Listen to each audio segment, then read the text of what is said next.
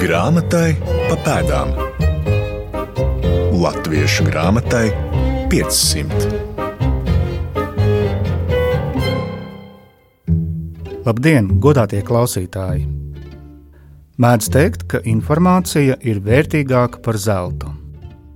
Atkarībā no konkrētās situācijas tam patiešām varētu piekrist. Šodienas raidījumā aizceļosim uz 16. gadsimta nogali, tad uz 17. gadsimtu, pa nelielam solītam uz priekšu pa laika līniju, lai apjaustu ziņu apmaiņas būtiskumu gan Zviedru laiku vidzemē, gan Eiropā vispār. Skrejlapas, brošūras, bukleti līdz visbeidzot avīzes. Kāda bija laikraksta sākotne Latvijā, lūkošu paskaidrot es, Toms Streibergs. Grāmatai pa pēdām. Iepriekš aprakstīto nolūku man, kā jau ierasts, palīdzēs īstenot eksperti. Tallinas Universitātes pētnieks, vēsturnieks Kārls Vanamelders, kura interešu loka centrā šobrīd ir tieši avīžniecības vēsture Baltijas reģionā. Savā redzējumā dalīsies Latvijas Universitātes sociālo zinātņu fakultātes profesore, vadošā pētniece vēstures doktore Vita Zelče, savukārt ar Latvijas Universitātes akadēmiskās bibliotēkas rokrakstu un reto grāmatu nodaļas vadītāju Aiju Taimiņu aplūkosim pirmās regulārās Latvijas teritorijā, proti Zviedru Rīgā un Vidzemē, izdotās avīzes Rīgiša Novelen eksemplārus. Vispirms Kārēls Vanamelders iezīmēs vispārēju ainu, kādi bija mūslaiku laikrakstu priekšteči savā dažādībā un kāds bija to galvenais pielietojums. Izpētes augsta. Uh, in the 16th century and also the first half. 16. gadsimtā, tāpat kā līdz 17. gadsimta vidum, būtībā arī līdz pašam 18. gadsimtam, gan ar roku rakstīto, gan drukāto avīžu tirgus bija ļoti plašs. Tas iekļāva plašas formāta variācijas. Tie bija gan šodienas vārdiem sakot žurnāli, kuros iekļauts vairākas ziņas un kurus mēs tādējādi varētu saukt arī par avīzēm, gan skrejlapas, uz kurām nodrukāta tikai viena, toties ļoti svarīga ziņa. Tā varēja būt viena lapa, uz kuras mēģinājuma mēdz nodrukāt vienu attēlu, un tad tam apakšā bija skaidrojums. Savukārt brošūra apjoms bija jau aptuveni 2 līdz 4 lapas. Ņemot vērā drukas izmaksas un darbā ieguldāmo laiku, vienkāršās skrejlapas bija daudz populārāks un plašāk pieejams mēdīs. Tātad šo izdevumu nozīme bija vēstīt par to, kas notiek ikdienas notikumos, vai arī par to, kas ir ārkārtīgi nozīmīgs ārpus ikdienas, par pilsētu aplenkumiem, par kaujām, piemēram, pret turku karaspēku. Tāpat populāri bija arī arī ziņu materiāli par dažādiem ekstraordināriem fenomeniem, dabas katastrofām, vai arī par to, ka kaut kur notverta ragana. Bet pavisam vispārīgi runājot, pati galvenā doma ir drukāt tekstu uz papīra un to pārdot. Tātad tīrs bizness. Gan vienlapes, gan brošūras tika izplatītas caur pasta ceļu tīklojumu un pasta nodaļām, un šie izdevumi tur bieži vien tika pārdrukāti vēlreiz, lai palielinātu metienu skaitu. To veica gan pasta nodaļās, gan privātās drukātavās. Piemēram, pilsētā pa pastu ierodas kāda skrejlapa, un izdevējs pamana, ka tajā sniegtā ziņa ir interesanta. Tūdaļ seko pārdrukāšana un pavairošana izmantošanu. Tātad šeit mēs varam runāt par ziņu tirdzniecību. Rīgā tāpat kā citviet šo skrejlapu un arī brošūru ierašanās pilsētā nozīmē jaunu ziņu ierašanos no ārzemēm, no centrāla Eiropas. Ja runājam par Rīgā izdoto laikrakstu Rīgas Novellen, jeb Rīgas jaunumi, Mēs par pašā pilsētā notiekošo neko neuzzināsim, jo tolaik no šādām ziņām nebija nekādas jēgas. Visi jaunumi tika nodoti no mutes mutē, no auss uz ausi. Pilsētnieki zināja pilnīgi visu, tādēļ būtiskākais bija uzzināt, kādi jaunumi norisinās citvietā. Agrīno laikrakstu cirkulāciju mēs varam uzskatīt par tirzniecības pilsētu fenomenu un arī jaunu pagriezienu urbānās kultūras daudzveidībā. So it is kind of Urban, early modern urban. Kārela Vanameldera stāstījumu papildina Vita Zelče. Pamatā, ja mēs skatāmies uz pirmajiem preses izdevumiem, proti, laikrakstiem, kas eh, Eiropā iznāk no paša 17. gadsimta sākumā ar tādu ļoti aptuvenu datējumu 1605. gads, vai nu tā ir Strasbūra vai Antverpene, kur ziņu lapas pāriet regulāro laikrakstu formātā, vienmēr ir jāņem vērā tomēr konteksts, eh, kam šie laikraksti ir domāti un, un ko mēs šobrīd tajos vai citos eksemplāros kas ir saglabājušies, varam ieraudzīt. Turklāt jāpiebilst, ka mm, arī tā saucamais pirmais preses izdevums, pirmais laikraksts, visdrīzāk vēl joprojām nav atrasts, un tāpēc arī tas eh, dibināšanas laiks ir ļoti nosacīts. Jo šajā pāraugšanas procesā no neregulārajām ziņu lapām uz regulāru nedēļas laikrakstu kontekstuāli jāskatās ir auditorija, kurai tas ir domāts. Proti, tie ir vainu mazā saujiņa viņa intelektuāļu, kuri prot lasīt un rakstīt un interesējās vairāk par to, kas notiek pasaulē, bet tomēr tā pamata auditorija ir praktiskie cilvēki. Tie pārsvarā ir tirgotāji, dažādi cita veida veikalnieki, kuģinieki, tātad visaktīvākais sabiedrības slānis, kuriem ir svarīgi saprast, kas notiek pasaulē, gan politiski, gan ekonomiski, lai varētu veidot šo savu biznesu. Un Un vēl viens tā saucamais kūrētājs un izdevējs pirmajiem laikrakstiem ir varas struktūras.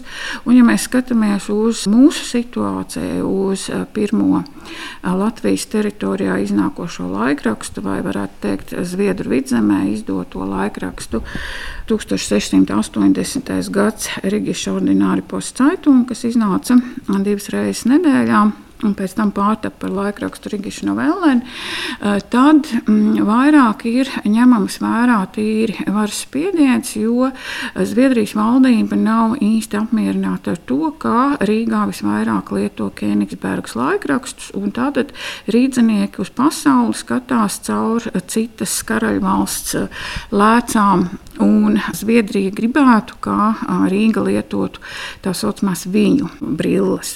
Bet tomēr jāņem vērā arī vēl viens konteksts, ka Laikraksti parasti saistās ar konkrētu pilsētu, arī tradicionāli Eiropā visu laikrakstu galveno laikrakstu nosaukumos ir pilsētas vārds, un tad attiecīgi tam seko tas tālākais vārds, vai tas ir caitunga vai gazete vai, vai kāds no citiem apzīmējumiem ka pilsētas ir ļoti nelielas, ļoti mazas.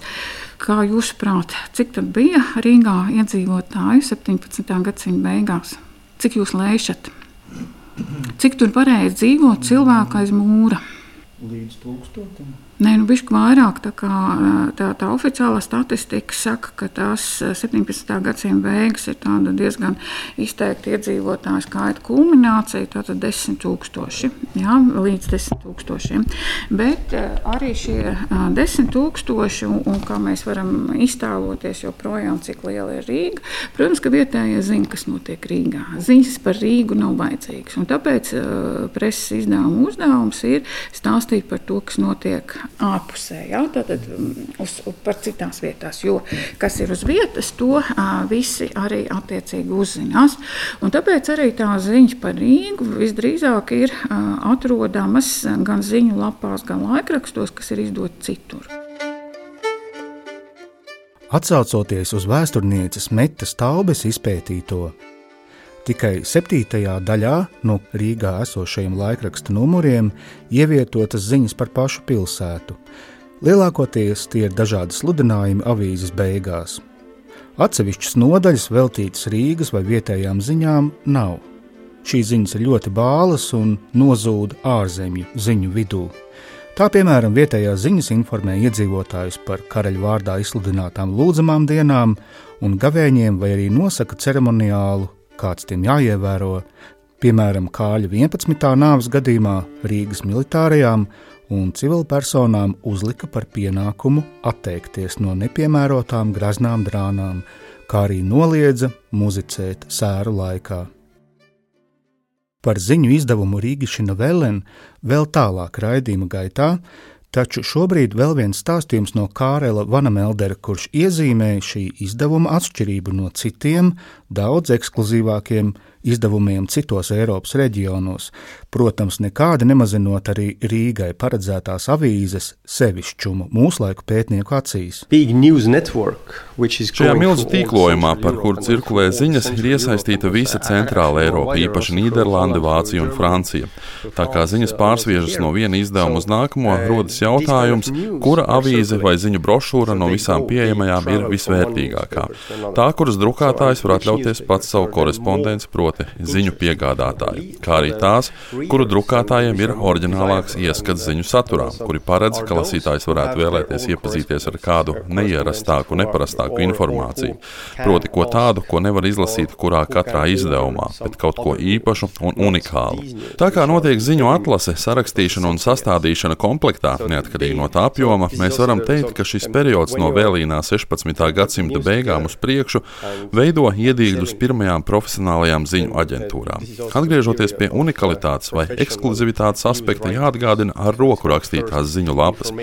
Tās bija nesalīdzinām vērtīgākas, ja tika veidotas tiem pasūtītājiem, kuri par jaunākajām ziņām bija spējīgi maksāt vairāk. Runājot par Eiropas tirzniecības pilsētām - Hamburgu, Antverpeni, Lībeku un citām, parasti labam un manīgam iespējām bija aptuveni 20 šādu ekskluzīvu klientu, kuri maksāja par šīm ar roku rakstītajām ziņu lapām. Tādējādi šie pasūtītāji saņēma jaunumus divas, dažreiz pat iespējams piecas dienas agrāk. Ja domājam par tirzniecības izmaiņām vai kādiem krasiem pavērsieniem apgrozāmās naudas vērtībā, šī ātrāk par citiem iegūtā informācija bija nenovērtējama, jo deva iespēju aizsteigties pa priekšu saviem konkurentiem, veicot izmaiņas sava, mūsdienu valodā runājot, biznesa stratēģijā. Svarīgā grāmatzīme. Vecākā zināmā avīze, precīzāk gan informatīvā lapa ar atzīmētu izdošanas vietu Rīga, ir no 1606. gada. Tās devīze - patiesas ziņas no šausmīgā kaujas lauka, kurā turki cīnījās pret Persijas karali. Izdotas ziņu lapas arī par svarīgākajiem vietējiem notikumiem. Tā rokrakstā ir saglabājusies ziņu lapa Caitungaus Rīgā, kas vēstīja par Rīgas aplenkumu. Sīk aprakstīts, kā zviedri aplenkuši pilsētu, kuras vietas mīnējuši, cik liels bija zviedru karaspēks pilsētā. Rīgā kritušo zemnieku, zeļu, karavīru un nevācu skaits bija 300. Turpat arī stāstīts par Jēlgavas ieņemšanu. Šāda veida informācijas lapas, kas ziņoja par atsevišķiem notikumiem un iznāca neregulāri, ar laiku tomēr neapmierināja lasītājus tāpēc radās doma par regulāru laikrakstu iespiešanu. Rīgas pilsētas valsts arhīvā esošie materiāli labi atspoguļo Rīgas tipogrāfiju darbību 16. un 17. gadsimtā. Kaut gan grāmatu iespiedējs Šrēders rātei sūdzas, ka šajā nomaļā vietā, kur iedzīvotāju vairums ir nevāci, tātad latvieši, grāmatu noiets ir ļoti gauss, Tomēr jau 1632. gadā Šrēders ir vienojies ar Tērbatas Universitātes grāmatu spiestuvas pārzini Bekeru par laikrakstu jeb avīzenu iespiešanu. Papīru piegādāšot Bekers, bet Šrēders iespiedīšot katru nedēļu vienu loksni 500 eksemplāros. No tiem Rīgas rāta saņemšot 20, bet Šrēders 5 eksemplārus ar noteikumu, ka viņš nedrīkst ar avīzēm tirgoties. Par iespiešanu būtu jāmaksā 75 valsts dālderi. Pēc dažiem gadiem Šrēders tomēr sūdzas, ka Bekers nedodot viņam iespiest avīzes. Tālākas ziņas par Bekeru parādās 1645. gadā, kad viņš kļūst Rīgā par pasta pārzini un caur viņa rokām iet korespondence ar Ziemeļvācijas pilsētām. Tad ziņas par Bekeru apsīkst. Varbūt arī tādēļ līdz šim laikrakstu iespiešanas sākumu Rīgā mēdz saistīt tikai ar 1681. gadu, kad iznācis pirmais regulārais Rīgas laikraksts Rīgiše Novellen. Valstis ar spēcīgu centrālo varu, tostarp Zviedrijas valstība, atdeva tā laika informācijas biznesu noteiktām personām, kuras atradās valsts kontrolē, novērojot, ka Zviedrijas pārvaldītajā vidzemē pār lieku lielu uzmanību pavisam neilgi izdotajā ziņu divlapē Rīgas Montāks, Donnerstāks Ordinārija postsaitung, Rīgas pirmdienas un ceturtdienas pastāvīze, ievērojumu daļu ziņu sastāda pārlikumi no Kaļiņģeradā izdotā ziņu laidiena. Tajos paustās ziņas bija nevēlamas Zviedrijas Kārlim 12. Un ar karaļa speciālu rīkojumu 1680. gadā par Rīgas oficiālo ziņu autoru tika nozīmēts Kristofs Prešers. Viņš bija ierēdnis, kas darbojās saskaņā ar karalisko privilēģiju, un viņam bija piešķirts ekskluzīvs amats avīzes izdošanai un aktuālo ziņu atlasēji. Būdams oficiālais ziņu autors, Prešers atšķīrās no vidusmēra agrīnās mūsdienu avīžu tirgotāju figūras, kurš rīkojās pēc privātas iniciatīvas, nodarbojoties ar informācijas pārdošanu kā papildus biznesu. Atklājam tekstus! Būtiski piebilst, ka Rīgišana Velena eksemplāru krājums, kuru pētām Latvijas Universitātes akadēmiskajā bibliotēkā, ir mantots no izcilā apgaismības laikmeta kultūras darbinieka Johana Kristofa Broces personīgās bibliotēkas krājuma. Par to, ko lasītāji varēja uzzināt no Rīgišana Velena četrlapes, stāsta Vita Zelča un Aija Taimiņa. Tā aktuālā ziņa, piemēram, par šiem preču tirgiem, preču cenām. Jā, tātad, ja mēs skatāmies uz Rīgu, Rīga ir ostas pilsēta, tad tā interese, lai šim laikrakstam būtu noiets, ir piedāvāt uh, to pamatu informāciju, uz kurien dosies kuģi. Tāpat arī šis pirmais um, ziņu lapu centrs, vidusjūras basēns, tātad arī ostas pilsētas, uh, kuras ir tirzniecīski ļoti aktīvas, arī tā interese, uz kuriem dosies attiecīgi kuģi, vai viņi ne, nesastapsies ar kariem vai ar kādiem politiskiem satricinājumiem, un attiecīgi šīs uh, preču kravas uh, līdz ar to neies bojā. Iepērkamās preces, aizbēgušie ļaudis iebraukušie svešzemnieki, ostā ienākušie kuģi. Mm -hmm.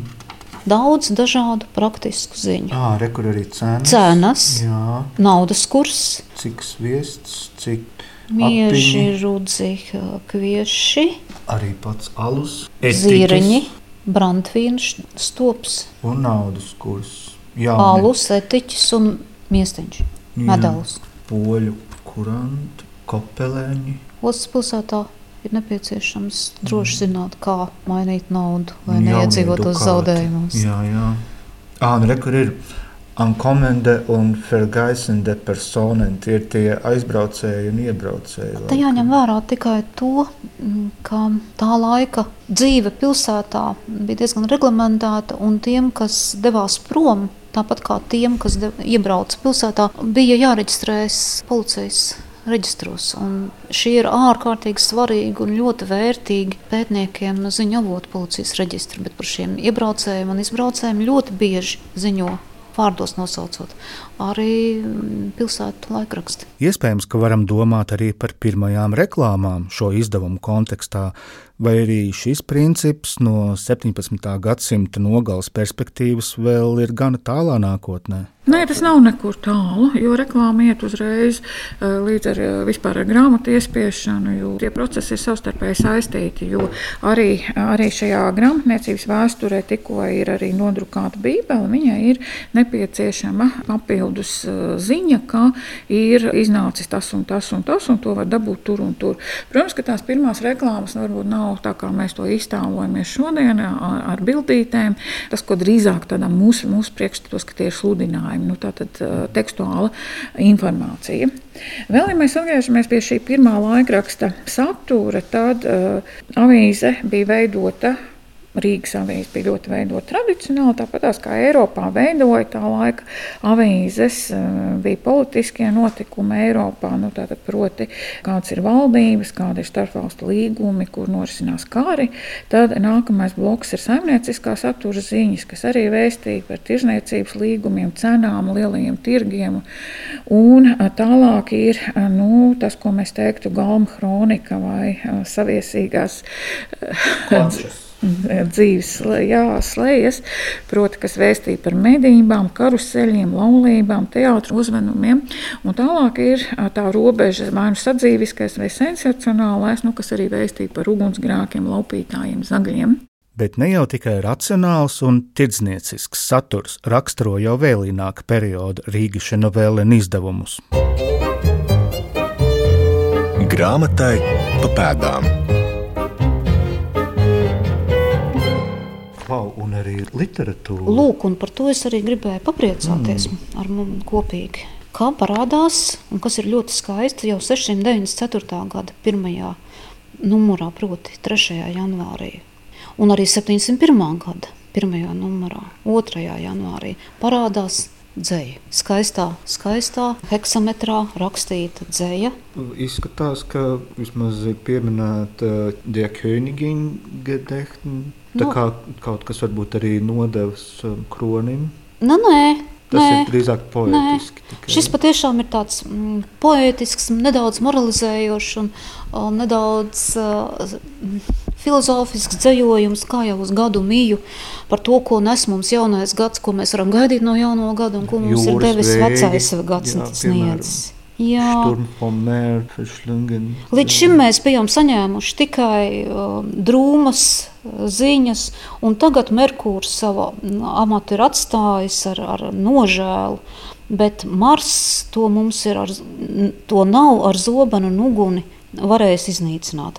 Nu, tāda filozofiski, simboliska, barokāla dzēja par uh, pasaules kārtību, un pasaules zudību un pasaules lietām, ko mums gaidīt un kas mums būs. Jā, Merkurs taču bija ziņneša. Zinesis, dievu vēstnesis, Merkūrs. Mm. Nu, noslēguma pants jau ir ļoti jauks. Ar šo jauno gadu, lai visas ciešanas ir remdētas un Jānus templī, mēs varam atrast vēlēto laimi. Jauks vēlējums visiem lasītājiem gada mijā, 694. gadā. Un arī soneti.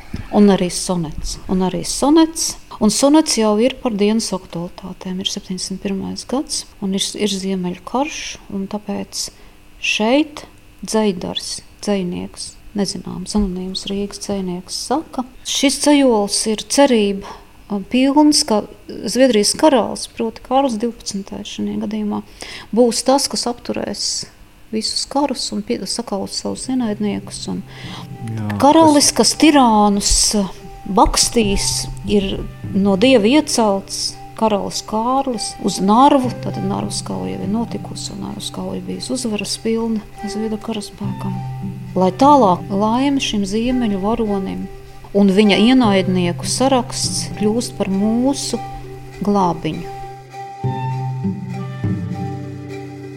Avīžu izdevuma Rīgašana Vellen noriet saistāms ar Ziemeļu kara gaitu, kad Rīga nokļūst Krievijas spēku pārvaldījumā, un it kā ar to vēl nebūtu gana, savu melno pļāvienu sāk mēra epidēmija. 710. gadā parādās biedējoša ziņa. Varšavā 4. janvārī ir tiek ziņots par mēri, jaunu mēru uzliesmojumu. Epidēmija ir no jauna atgriezusies, un piecas personas ir divu dienu laikā nomirušas, kuriem ne tikai ir bijuši melni pleķi un, un uz āru redzami mēra bumbuļi, bet viens ģenerāļa Rennes pāršs ir nomiris 24 stundu laikā. Vispirms sākumā tas bija pilnīgi vesels, un tad tas viss ir tā ātri beidzies. Un Rīgas laikraksta pēdējais numurs, zināmais pēdējais numurs ir 710. gads. Un ar to arī Zviedru laika presa Rīgā izskan. Un atjaunojas tikai pēc 50 gadiem, kā Rīgas sludinājuma laikraksts, Rīgas ziņotājs. Kā to norāda Kārlis Vanamelders, Rīgašana Vellen primāri bija Zviedrijas karaļa teju vai uzspiests informatīvs izdevums, un pēc 1710. gada laikraksts savu darbību pakārto jau pēc saviem, nevis kroņa nodotiem uzskatiem, protams, tāpat eksistējot noteikts politiskās vidas kontekstā. Pateicos par ceļojumu šajā raidījuma lapusē pētniekiem Mājai Taimiņai, Vitai Zelčai un Kārelam Vanamelderam. Raidījumu producē Santa Lauga, labi ieskaņo Normīts Papa, padomus dod Latvijas Nacionālā bibliotēka un Latvijas Universitātes Akadēmiskā bibliotēka. Ar jums sarunājās Toms Streibergs, savukārt nākamreiz mana līdzbiedrene grāmatu pēdzinībā Laima Slava stāstīs par čehu pedagoga Johana Amusa Komenska trīsvalodīgo ilustrēto enciklopēdiju Orbus Sensuālim Pictus - acīm redzamā pasaule. Uz